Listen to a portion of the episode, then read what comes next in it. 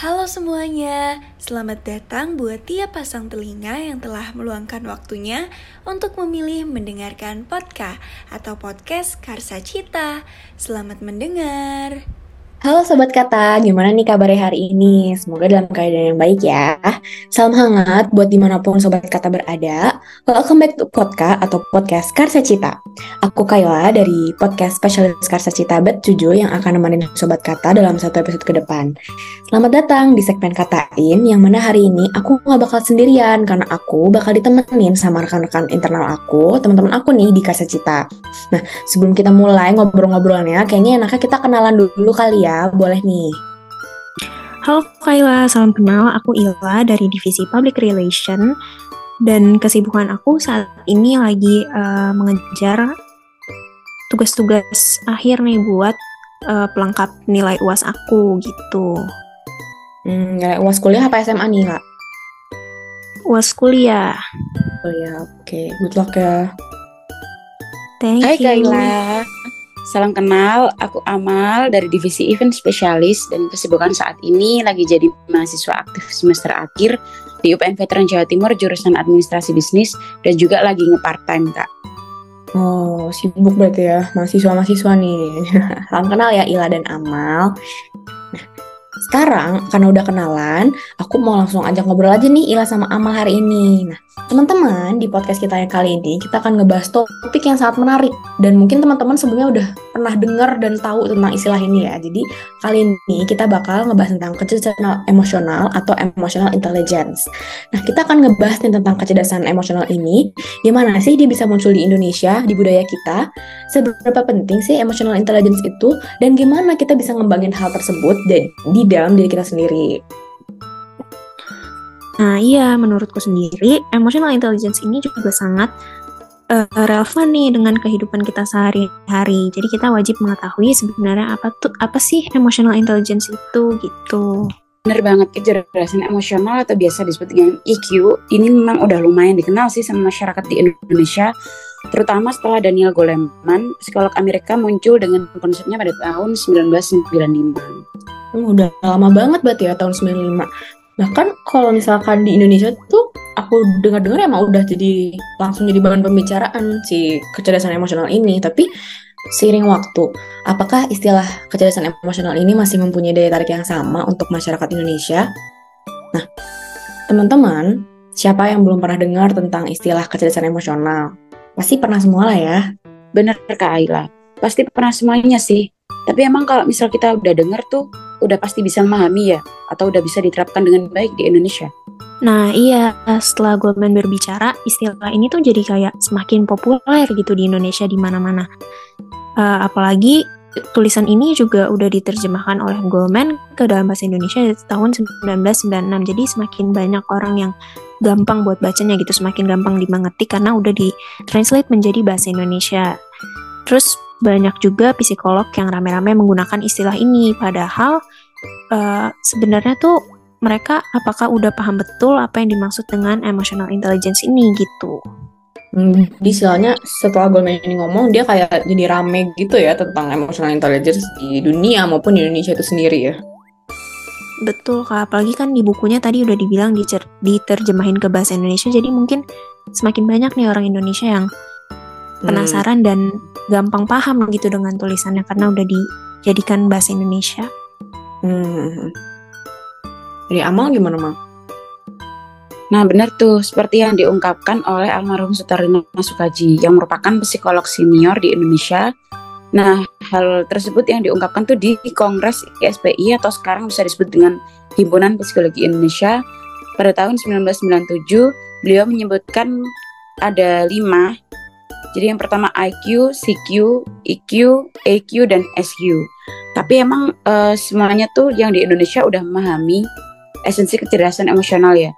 Soalnya kan hmm. kita belum, uh, maksudnya belum maksimal gitu loh untuk penerapannya seperti apa di Indonesia.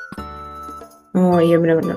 Tapi uh, kan tadi istilahnya tuh banyak banget ya yang istilahnya menggambarkan emotional intelligence. Tapi menurut kalian sebenarnya konsep utama dari emotional intelligence ini apa sih? Apa sih yang uh, jadi intinya dari kecerdasan emosional ini?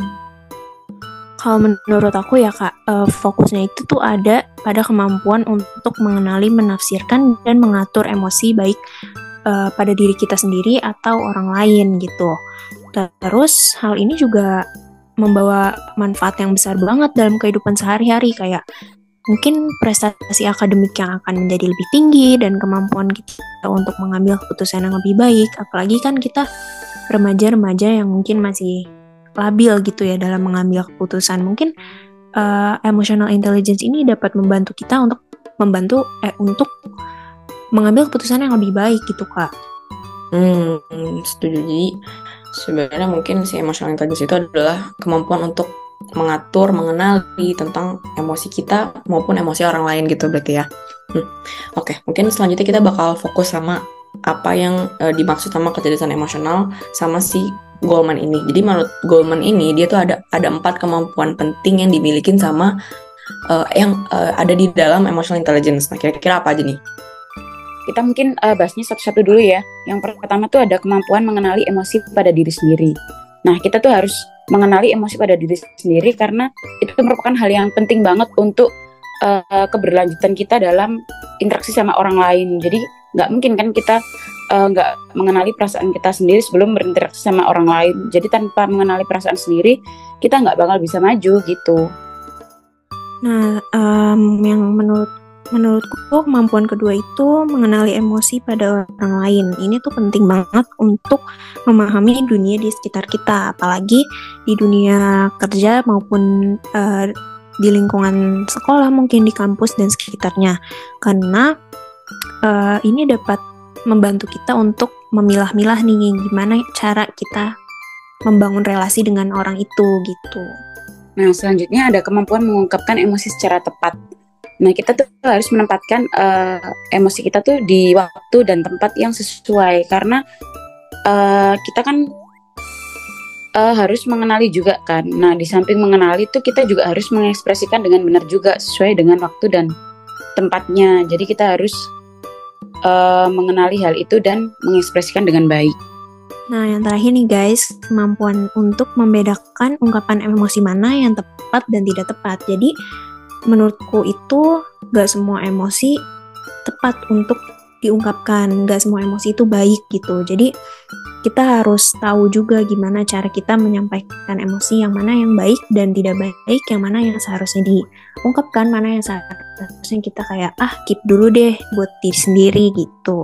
Hmm, berarti intinya adalah kemampuan itu tuh yang yang pertama adalah kita harus kenalin emosi kita, terus habis itu kita kenalin emosi orang, terus kita pilih-pilih nih mana emosi yang harusnya kita ungkapkan ke orang itu atau enggak gitu ya. Nah, dari Ila dan Amal, ini kalian pernah nggak sih nerapin kemampuan-kemampuan ini dalam kehidupan sehari-hari kalian? Mungkin bisa sharing-sharing nih. Oh, gini-gini ya, kalau aku mungkin karena um, di perkuliahan aku itu sekarang lagi banyak banget tugas kelompok yang berbentuknya project dan lain-lain gitulah ya. Intinya tugas kelompok yang menerlibatkan kayak banyak orang gitu. Terus aku juga um, tugas kelompok itu sebenarnya bukan tugas yang mudah, apalagi kan kita gak bisa langsung nyatuin satu ide, eh satu pikiran yang sama dalam satu ide gitu kan.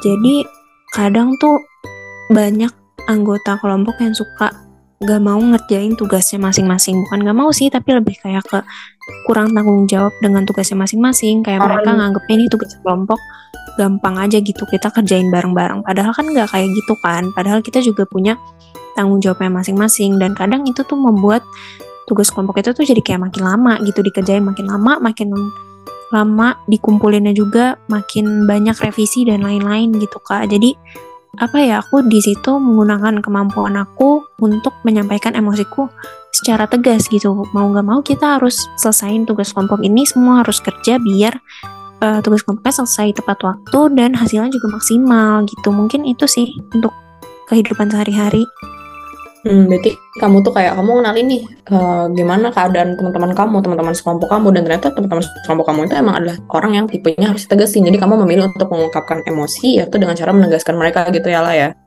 Iya bener banget kak. Kadang aku juga minta bantuan temen aku sih buat ayo dong ini bantuin gue untuk hmm. menyampaikan nih harus dikerjain sekarang gitu tugasnya. Iya, soalnya sih kerkop-kerkop ini emang universal experience ya kayaknya ya. Aku juga jujur pernah ngerasain tuh kayak gitu kayak, kayak ini kayaknya kalau nggak ada yang inisiasi nggak ada yang mulai nih kayaknya kerja kelompok. Nah dari Amal sendiri mungkin ada pengalaman-pengalaman yang menarik nggak nih tentang uh, penerapan emotional intelligence dalam kehidupan sehari-hari kamu?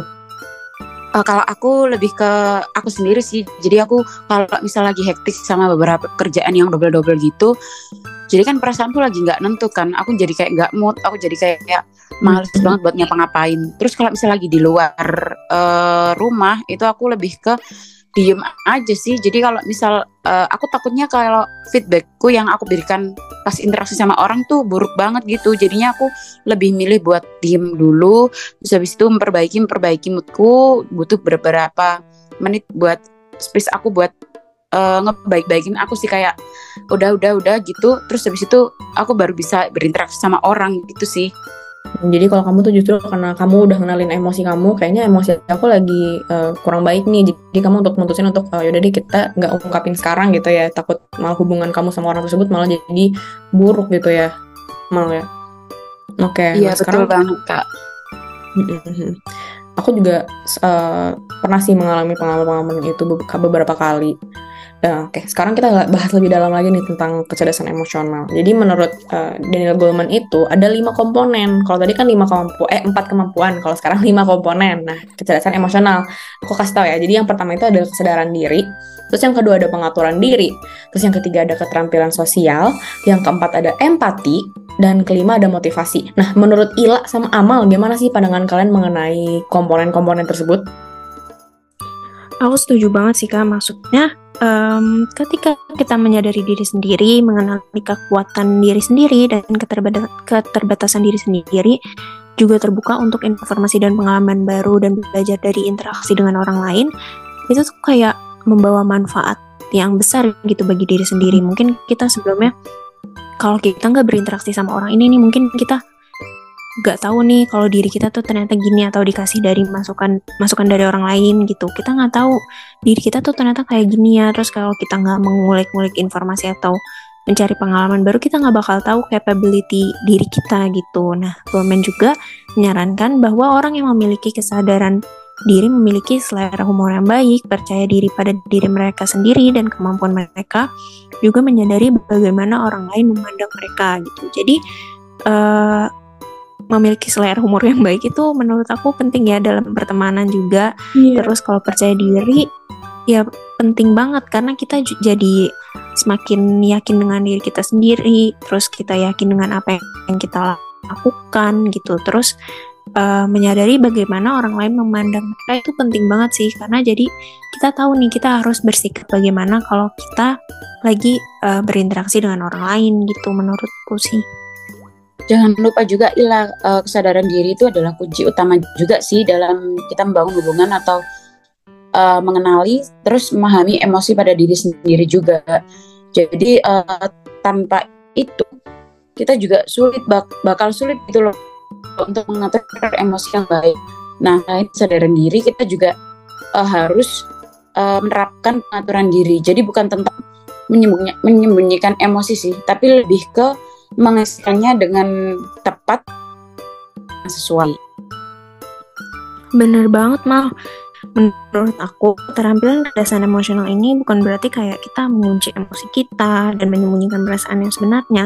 Itu tuh hanya berarti kita harus menunggu waktu dan tempat yang tepat untuk mengekspresikan emosi kita itu gitu dari aku juga setuju sama Amal dan Ila. Kalau menurut aku yang terakhir uh, yang ketiga tadi itu keterampilan sosial itu juga nggak kalah penting karena gimana cara kita interaksi sama orang itu pastinya tentu bakal mempengaruhi hubungan kita. Tadi kan Ila udah cerita kalau humor itu penting karena menurut aku juga dengan kita humor uh, humor kita yang baik itu eh maksudnya kalau kita uh, orang yang humor itu biasanya hubungan dengan orang lain ini tuh jadi lebih baik gitu. Orang kan suasana kalau dengan humor kan biasanya jauh suasana jadi lebih cair ya.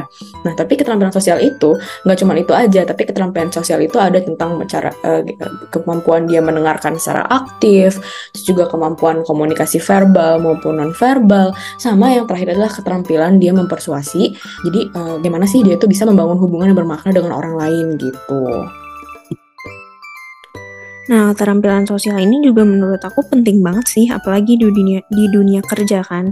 Dalam pengaturan profesionalnya, manajer tuh dapat manfaat dari menggunakan keterampilan sosial untuk membangun hubungan dan koneksinya dengan karyawan. Jadi uh, hubungan antara manajer dan karyawannya tuh nggak awkward gitu. Kita bisa uh, manajernya mungkin bisa lebih mempercayai karyawannya dengan baik setelah melakukan menggunakan keterampilan sosial ini dalam hubungan bekerja, terus pekerja juga mendapat manfaat dari kemampuan untuk mengembangkan hubungan yang kuat dengan para pemimpin dan rekan kerja. Apalagi kan kita uh, di dunia kerja itu saling membutuhkan satu sama lain kan kak. Jadi penting banget lah untuk menerapkan keterampilan sosial ini di dunia kerja gitu menurutku.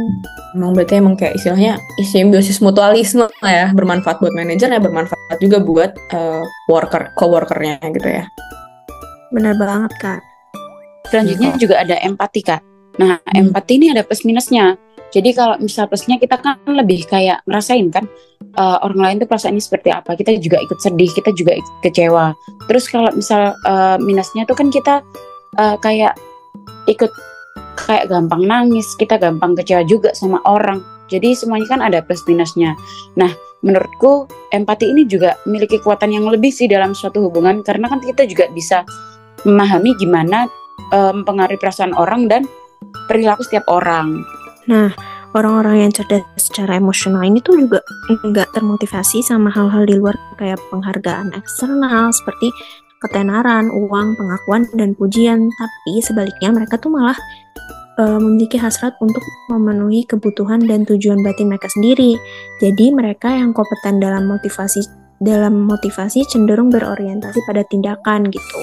Mereka menetapkan tujuan, memiliki kebutuhan yang tinggi untuk pencapaian dan selalu mencari cara untuk berbuat lebih baik. Dan mereka juga cenderung sangat berkomitmen dan pandai dalam mengambil inisiatif gitu. Jadi mereka tuh nggak melakukan sesuatu nggak dipengaruhi sama uang, ketenaran, pengakuan dan pujian. Tapi mereka tuh lebih ke ingin menjadikan diri mereka tuh lebih baik gitu dalam um, dalam berbuat sesuatu kayak mengambil inisiatif dan berkomitmen dalam mengerjakan sesuatu gitu. Hmm, okay. Oh, tadi kita udah ngomongin nih uh, lima komponen sama empat kemampuan. Nah, aku mau ngomongin sih sebenarnya tadi kan kita udah ngomongin tentang si emosional, tapi sebenarnya manfaatnya apa sih? Sebenarnya apa sih manfaat yang kita punya kalau misalkan punya kecerdasan emosional yang baik? Wah, banyak banget loh Kak Kayla dari sifat kepemimpinan kita contohnya. Itu kita bisa jadi lebih baik juga karena kan kita uh, bisa mengatur emosional dengan baik kan. Terus yang kedua kita juga bisa meningkatkan kemampuan berkomunikasi kita dengan lebih baik juga. Terus selain itu kita juga bisa manajemen stres kita yang lebih aktif. Karena kan kalau misal uh, kita bisa mengatur diri dengan baik kan kita bisa lebih baik kan jadi pribadi yang lebih baik juga kan Oh, maksudnya mungkin lebih efektif kali ya tadi ya. tipe, nah, tipe. betul betul Kak, betul betul. Hmm. hmm, hmm. Mulai dari Ila gimana lah? Menurutku jangan lupa juga ya karena keterampilan ini tuh juga membangun hubungan interpersonal yang baik. Jadi kan mungkin kita di dalam pertemanan itu apalagi kalau baru temenan kan kayak nggak tahu nih orang sifatnya gimana. Nah mungkin dari uh, dengan apa nih namanya kecerdasan emosional ini kita bisa mengenal satu sama lain lebih baik gitu dan membangun hubungan pertemanan itu menjadi lebih baik gitu kak. Oh, oke okay, oke. Okay. Berarti tadi kita udah dapet tuh ya, apa aja tentang emotional intelligence, apa aja komponen-komponennya, dan apa aja sih manfaat yang bisa didapetin kalau kita punya uh, emotional intelligence yang baik. Nah, sekarang aku mau ngomongin nih tentang salah satu kegiatan kita di Kasa Cita. Nah, aku mau ngomongin tentang kampanye Five Components of Emotional Intelligence, Step to Self-Development, atau disingkat dengan CACA. Nah, sebenarnya apa sih tujuan dari kegiatan CACA ini? Tujuannya udah jelas banget sih, Kak jadi kita uh, memberikan pemahaman yang lebih baik tentang emotional intelligence. Terus selanjutnya setelah kita memberi pemahaman tuh kita uh, memberikan kayak meningkatkan kemampuan emosional itu dalam kehidupan sehari-hari. Terus kayak gimana menerapkannya dalam kehidupan sehari-hari. Terus selanjutnya kita juga uh, ngasih tahu nih kepada teman-teman semuanya gimana sih pentingnya uh, menerapkan kemampuan emosional intelijen dalam diri kita sendiri kayak gitu. Jadi setelah kita memberikan pemahaman, kita kasih uh, contoh gimana menerapkannya dalam kehidupan sehari-hari. Setelah itu kita uh, memperlihatkan juga gimana pentingnya uh, hal ini tuh diterapkan kayak gitu kan. Hmm. Hmm, gitu ya. Nah, untuk kegiatan ini target peserta kita itu fokus pada kelompok usia 17 sampai 25 tahun, baik perempuan maupun laki-laki. Jadi siapa pun boleh ikut dan mungkin kenapa kalian harus ikut? Karena mungkin kalian tidak mendapatkan uh, materi tentang five components ini di mana pun gitu, tapi kalian bisa dapetin di Karsa Cita. Jadi di kalian jangan lupa ikut ya guys. Di kuliah, di sekolah yeah. tuh nggak diajarin nih guys emotional intelligence jadi datang ikut. Mungkin cuma di jurusan ini kali kak psikologi mungkin ya. Tapi kan kalau yang lain-lainnya mungkin nggak dapet nih tentang apa sih emotional intelligence itu gitu. Tapi kalian bisa dapetin di Karsa Cita loh guys. Jangan lupa juga ya guys untuk uh, pelaksanaan kegiatan ini tuh dilaksanakan selama 4 hari pada tanggal 19 sampai 22 Desember 2023. Nah, kegiatan itu juga banyak loh. Ada opening campaign, share konten di Instagram dan webinar katap. Oh, berarti nggak cuman kita dengerin pemaparan aja, tapi kita juga istilahnya uh, ada actionnya gitu ya dengan kampanye ini.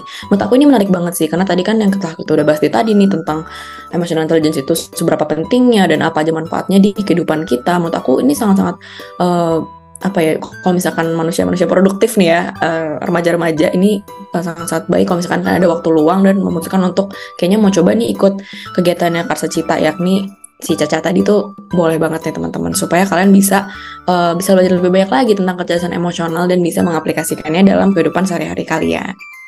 Oke teman-teman, nah itu tadi obrolan kita tentang kecerdasan emosional udah nggak kerasa nih udah berapa lama kita ngobrol tadi seru banget ya. Nah semoga nantinya kita bisa lebih paham dan bisa mengaplikasikan konsep ini dalam kehidupan sehari-hari. Jadi jangan lupa ya guys untuk ikut serta dalam campaign 5 Components of Emotional Intelligence Step to Self Development kita ya di Karsa Cita dan untuk info lengkapnya bisa kalian dapatkan di akun Instagram Karsa Cita. Jangan lupa ikut. Terakhir, sampai jumpa di episode berikutnya. Thanks for listening. Tetap cerdas secara emosional ya teman-teman. Bye-bye. Bye-bye teman-teman. Hai. Terima kasih sudah dengarkan edisi podcast kali ini. Jangan lupa cek varian podcast lainnya juga ya.